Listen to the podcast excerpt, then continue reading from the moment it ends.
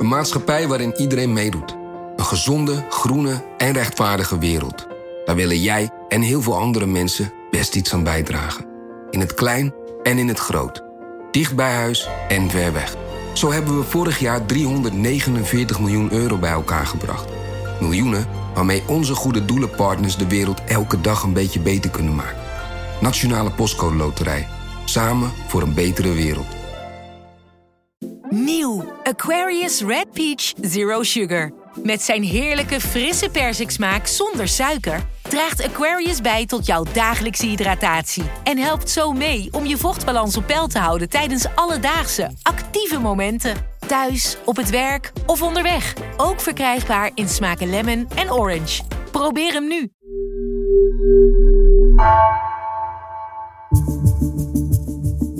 Vanaf de redactie van NRC het verhaal van vandaag. Mijn naam is Floor Boon.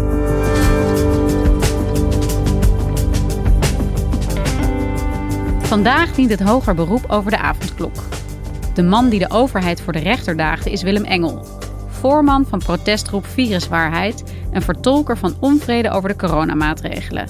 Die onwaarheden over het coronavirus niet schuwt. Binnenlandredacteuren Andreas Kouwenhoven en Wilmer Hek spraken meermaals met Willem Engel. Wie is deze man? Wat drijft hem? En wat wil hij bereiken?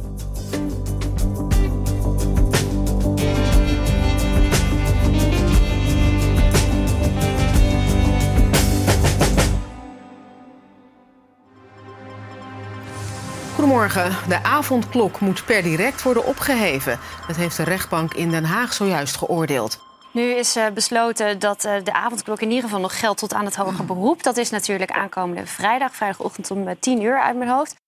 En speel in de zaak is Willem Engel, de voorman van actiegroep Viruswaarheid, die eerst Viruswaanzin heette.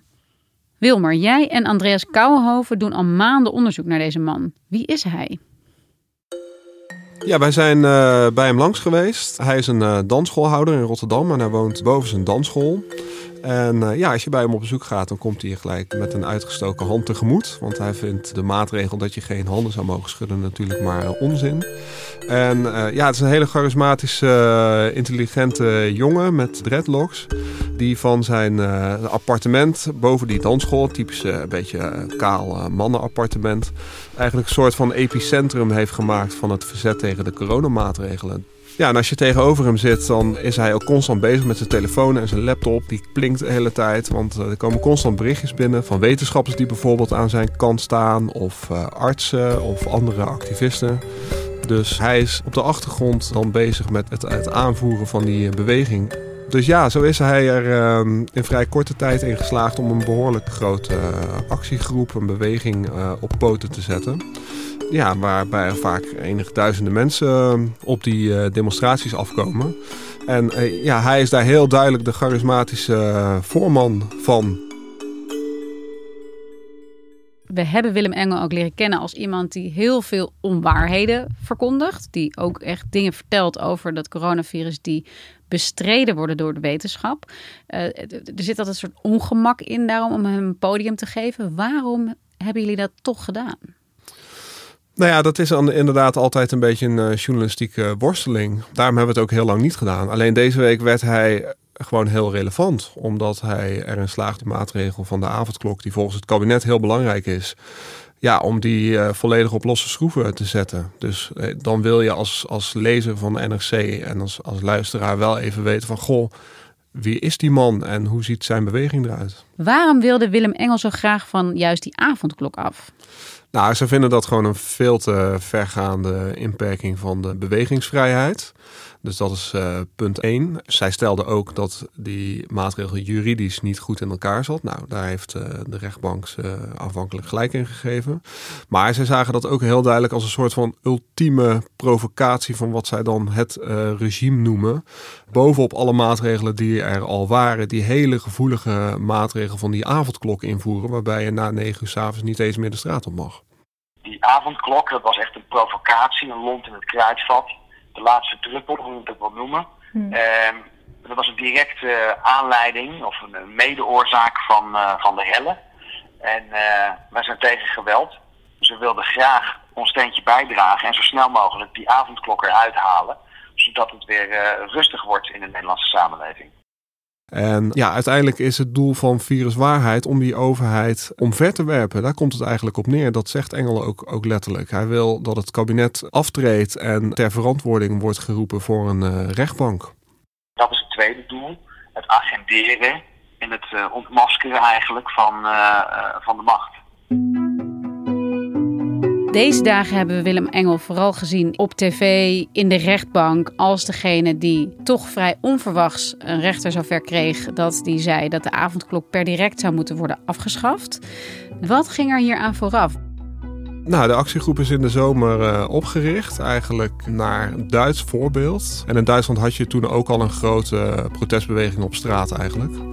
En dat hebben zij gekopieerd in Nederland. En eigenlijk vanaf het begin werd dat in Nederland ook een behoorlijk grote beweging met behoorlijk grote demonstraties. Op die demonstraties komen meestal enkele duizenden mensen af. En ze organiseren dus demonstraties, manifestaties, plekken waar ze bijeenkomen. En ze voeren ook veel rechtszaken. Wat heeft het tot nu toe opgeleverd? Die rechtszaken hebben tot nu toe in de praktijk eigenlijk niks opgeleverd. Ik geloof dat ze er eh, twaalf hebben gevoerd.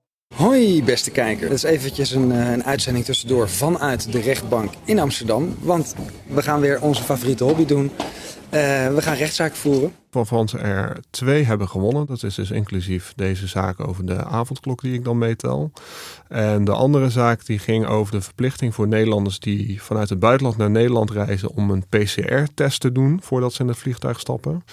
En dat vonden zij in strijd met de grondrechten eh, van de mens. Vandaag eh, hopen we uh, de rechter te overtuigen van de ongeschiktheid van de PCR-test.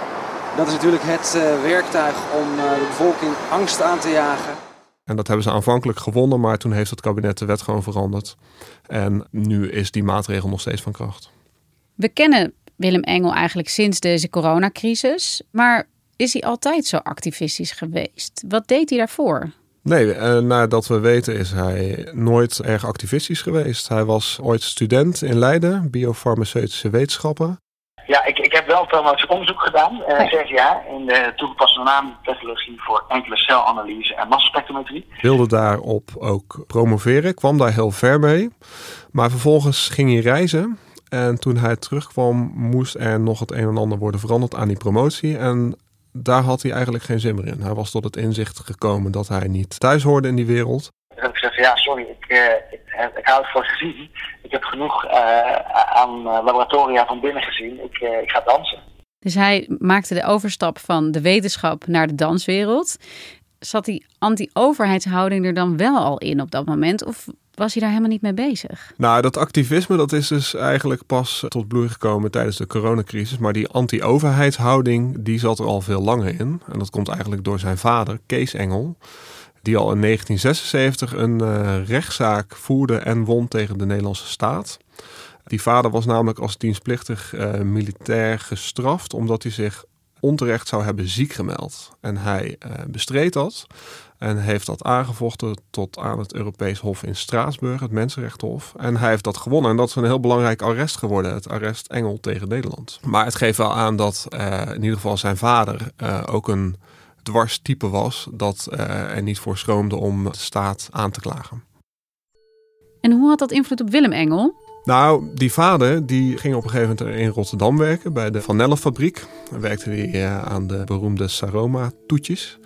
En destijds kocht die vader zijn eerste pandjes in Rotterdam. En hij groeide uit tot een grote pandjesbaas. Dus in de jaren 90 bezat hij meer dan duizend panden in Rotterdam. Dus dat was een behoorlijke portefeuille. Het probleem was alleen dat hij die panden heel slecht onderhield. Dus hij kreeg eigenlijk de bijnaam Krottekoning van Rotterdam. De gemeente Rotterdam vond dat een enorm probleem, omdat het dus tot allerlei sociale misstanden leidde. Zo was het uh, bijvoorbeeld zo dat in een aantal van die panden op grote schaal wiet werd geteeld. En Kees Engel, de vader van Willem dus, is daar uiteindelijk voor veroordeeld. Omdat hij dat zou hebben toegestaan. En hij heeft destijds, volgens mij was dat in 1997, dus uh, meerdere maanden in de cel uh, gezeten. Voor het eerst is een huisjesmelker veroordeeld omdat hij willens en wetens huizen verhuurt aan drugsdealers. Deze unieke uitspraak is gedaan door de rechtbank in Rotterdam. Die veroordeelde de grootste huisjesmelker in de stad, Kees Engel, tot anderhalf jaar cel, waarvan een half jaar voorwaardelijk. Dus dat zal zeker impact hebben gehad op Willem Engel. Ja, dat was uh, heftig natuurlijk, uh, met alle beperkingen. Dus ik heb hem bij elkaar opgeteld één keer kunnen zien terwijl hij in voorarrest zat. Dus het ging, het ging veel verder dan alleen die rechtszaak. Het was echt een, een zaak om iemand te ruïneren. We kennen Kees Engel ook van Fort Oranje, de beruchte camping in Brabant. Op Fort Oranje spelen structureel veel problemen in de sfeer van openbare orde, leefbaarheid, sociale veiligheid en criminaliteit. Er is hier helemaal geen criminaliteit. Dat zijn praatjes van de pers. Ook is de mate van vervuiling zorgwekkend. Ik zeg, die strijdende situaties is volledig aan die burgemeester te wijten. Maar blijf godverdomme van de camping af. Die is van ons. En die blijft van ons. Op sodemieter nu. Ja, op sodemieter. Hup. Ja, uiteindelijk is die camping uh, ontruimd en zijn zij volgens mij zelfs onteigend. Dus is die camping afgepakt van Kees Engel en ook de broer van Willem, Jan Engel, die ook bij die camping betrokken was. Dus ja, dat is wel een zwarte bladzijde in de familiegeschiedenis van de familie Engel. Heeft Willem Engel zelf eigenlijk een rol gespeeld bij de eerdere activiteiten van zijn vader? Nee, nee, niet dat we weten. Ik heb me altijd verder gehouden van zijn strijd. Ik, ik vond hem altijd een beetje een, eh, een donkere shot. Maar ik begrijp nu wel dat uh, als je geen weerstand biedt, ja, dan blijven ze doorgaan. En nu zie je dat er een versnelling is in het uitrollen van onze rechten en het, en het suspenderen van de grondrechten en de mensenrechten. Uh, dit stopt niet vanzelf. Hier moet paal en perk aan worden gesteld. En dat kan alleen door ons te verzetten en door aanspraak te maken op de rechten die van ons zijn.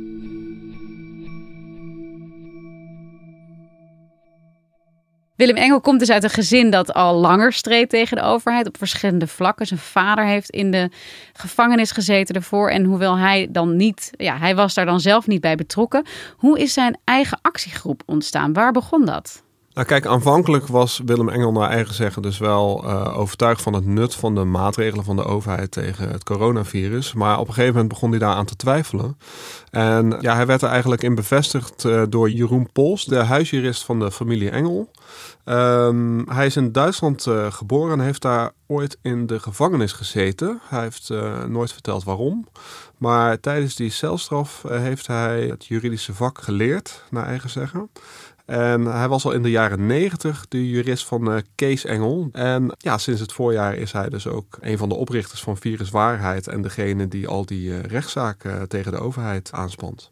Waarom zocht Jeroen Pols juist Willem Engel op? Heb je enig idee van wat daar gebeurde tussen die twee? Waarom het deze telg van de familie was met wie die deze strijd wilde gaan voeren? Het is me eerlijk gezegd niet precies duidelijk, maar ik kan me wel voorstellen dat hij in Willem Engel een charismatische man zag die prima de voorman van die beweging zou kunnen worden.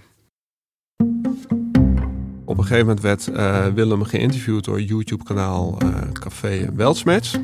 Goeiedag, welkom bij Café Weltsmerts. Ik zit hier vandaag bij Willem Engel en hij heeft een ontzettend belangrijk verhaal te vertellen. Waarbij hij dus vertelde wat hij van die maatregelen vond en waarom het allemaal onzin zou zijn. Eigenlijk was het, was het kritische punt uh, dat ik hoorde, ah, er is community spread. En toen ging er bij mij een lampje branden van, oh, ze hebben deze situatie helemaal niet meer onder controle. We zijn beetgenomen. Ja, en toen ben ik gaan graven. En dat werd steeds meer en steeds meer. Toen kwamen de verhalen van, hé, hey, er klopt hier en daar iets niet. En toen is die beweging eigenlijk uh, van de grond gekomen, want dat interview werd heel veel bekeken, werd een groot succes. De laatste maanden zien we vooral rechtszaken die zijn gevoerd en demonstraties die zijn georganiseerd door uh, Willem Engel en zijn club. Wat wil hij eigenlijk bereiken? Ja, het, het, is een beetje dubbel. Kijk, enerzijds doet hij uitspraken als het kabinet moet inderdaad verantwoording afleggen voor de rechter. En dan schaffen we ook de Tweede Kamer af, want, we, want daar hebben we niks aan. En dan gaan we per referendum beslissen. Dus constant beslissingen nemen over belangrijke onderwerpen door het uh, volk te vragen. En ja, als er dan 50% plus 1 voor een bepaalde maatregel is, dan gaan we dat invoeren. Anderzijds staat hij nu ook op de kieslijst van een politieke partij. Dus gaat hij wel, wil hij wel meedoen aan die aankomende Tweede Kamerverkiezingen. Hij is bekend, hij staat op die lijst. Die lijst kan ook niet meer veranderd worden. Dus Nederlanders kunnen gewoon op hem stemmen op 17 maart. Ja, want hij staat als uh, tweede op de kieslijst van een afsplitsing van die partij VSN, Vrij en Sociaal Nederland. En ja, mocht hij erin slagen om daar flinke bekendheid aan te geven, aan het feit dat hij verkiesbaar is, ja, dan zou het zomaar kunnen, want hij is charismatisch. Hij heeft een bepaalde achterban, dus uh, wie weet. Want wie is die achterban? Nou ja, die achterban van Viruswaarheid die is heel gemeleerd. Als je naar de demonstraties gaat, dan zie je zeg maar hele brave burgers en uh, extreemrechtse activisten en mensen uit uh, alternatieve geneeshoek uh, allemaal door elkaar lopen. Maar goed, daar komen duizenden mensen op af. Dus je zou zeggen dat die in het land toch wel, ja, wie weet, die, wat het, 50, 60.000 stemmen kan halen die je nodig hebt voor een kamerzetel. Eerder zei je dat in het begin dat Willem Engel de coronamaatregelen juist wel ondersteunde. Um, denk je dat hij echt er niet in gelooft? Of dat het een manier is om aanhang te krijgen en om bekendheid te krijgen? Nou, ik denk wel dat hij er echt niet in gelooft. Ook ik, denk wel dat dat oprecht is. Maar tegelijkertijd is het inderdaad een hele mooie manier om een uh, soort van volksbeweging op de been te krijgen. Om dus ja, die overheid waar zij zo'n hekel aan hebben te bestrijden. Eerder deze week gaf de rechter Willem Engel gelijk in eerste instantie. Uh, die zei dat de avondklok per direct zou moeten worden afgeschaft. Nou, de overheid ging in een hoger beroep en die zaak dient vandaag. Daar horen we vandaag uitspraak over. Hoe kijkt Willem Engel daar tegenaan? Nou ja, voor hem en zijn beweging is dat dan een soort van bevestiging dat de rechtspraak in Nederland uh, niet onafhankelijk is. Zij zien dat als een soort van corrupte rechtspraak die aan de leiband uh, van de overheid en van het kabinet uh, loopt. Je zag ook dat hij door de rechter heen schreeuwde en op een gegeven moment riep dat het onacceptabel was. En zelfs zei dat de rechter zich uiteindelijk zal moeten verantwoorden. En dat wordt dus vrijdag bepleit. En die dag of een paar dagen later komt daarin uitspraak. De rechtspraak ik zeg dat niet voor niks. Ik zeg dat niet voor niks. Wij willen een yo-yo effect. Wat Dan bent u toch inhoudelijk erop ingegaan. En dit is onacceptabel, mevrouw. En dat was onze uitspraak in ja. het incident. Toch op, en we nee, zien dit is onacceptabel, weer mevrouw. aanstaande vrijdag. U bent er toch inhoudelijk op ingegaan. En heeft de geloofwaardigheid Wordt de zitting gesloten. Dus hij accepteert wel een uitspraak in zijn voordeel, maar niet als het uitpakt in zijn nadeel. Nee, als het dan in zijn voordeel uitpakt, nou, dan is het uh, misschien een soort van uh, hoop in zijn ogen dat er toch nog onafhankelijke rechters bestaan. En zodra iets in zijn nadeel uitpakt, dan is het gelijk van, uh, nou, kijk eens, dit is het land waarin we leven, een land zonder onafhankelijke rechters. Het is natuurlijk hoogst merkwaardig, deze gang van zaken. Dit, uh, dit heeft alle schijn, en ik, durf wel verder te gaan, dit is politieke inmenging in de rechtspraak. En daarmee tonen we dus ook aan dat er geen scheiding van der machten is. Vandaag beslist de rechter of die avondklok doorgang mag vinden. Het kabinet heeft inmiddels een andere route gevonden om alsnog de avondklok te kunnen invoeren uh, zonder de juridische maatregel waarop ze dat eerder baseerden. Wat doet dit met Engel? Hoe reageert hij hierop? Nou, ik denk dat hij er erg van zal balen als die avondklok gehandhaafd blijft. Aan de andere kant hebben ze natuurlijk toch een flinke overwinning geboekt door uh, de overheid en in het bijzonder het kabinet, dat zij zoveel dingen verwijten, flink uh, in discrediet te brengen. En dat is uiteindelijk het doel van Willem Engel. Dat is in ieder geval het doel van Willem Engel. Ja, hij doet uitspraken als uiteindelijk willen wij gewoon dat de hele boel uh, instort en dat het kabinet voor een rechtbank verschijnt. Kijk, constant naar het het hogere doel. Het gaat niet om die rechtszaak winnen, het gaat om de bevolking bevrijden. Het gaat om de bevolking bewust maken. Het belangrijkste is dat mensen het zien dat het mis is. En die publieke opinie die moet om.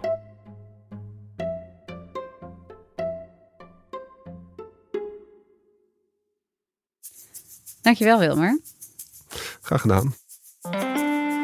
Je luisterde naar vandaag, een podcast van NRC. Eén verhaal, elke dag. Wil je meer weten over de politieke en juridische achtergrond van de avondklok? Luister dan zaterdag naar de politieke podcast van NRC, Haagse Zaken. Deze aflevering werd gemaakt door Henk Ruigrok van de Werven, Misha Melita, Anna Korterink en Jeroen Jaspers. Chef van de audioredactie is Anne Moraal. Dit was vandaag.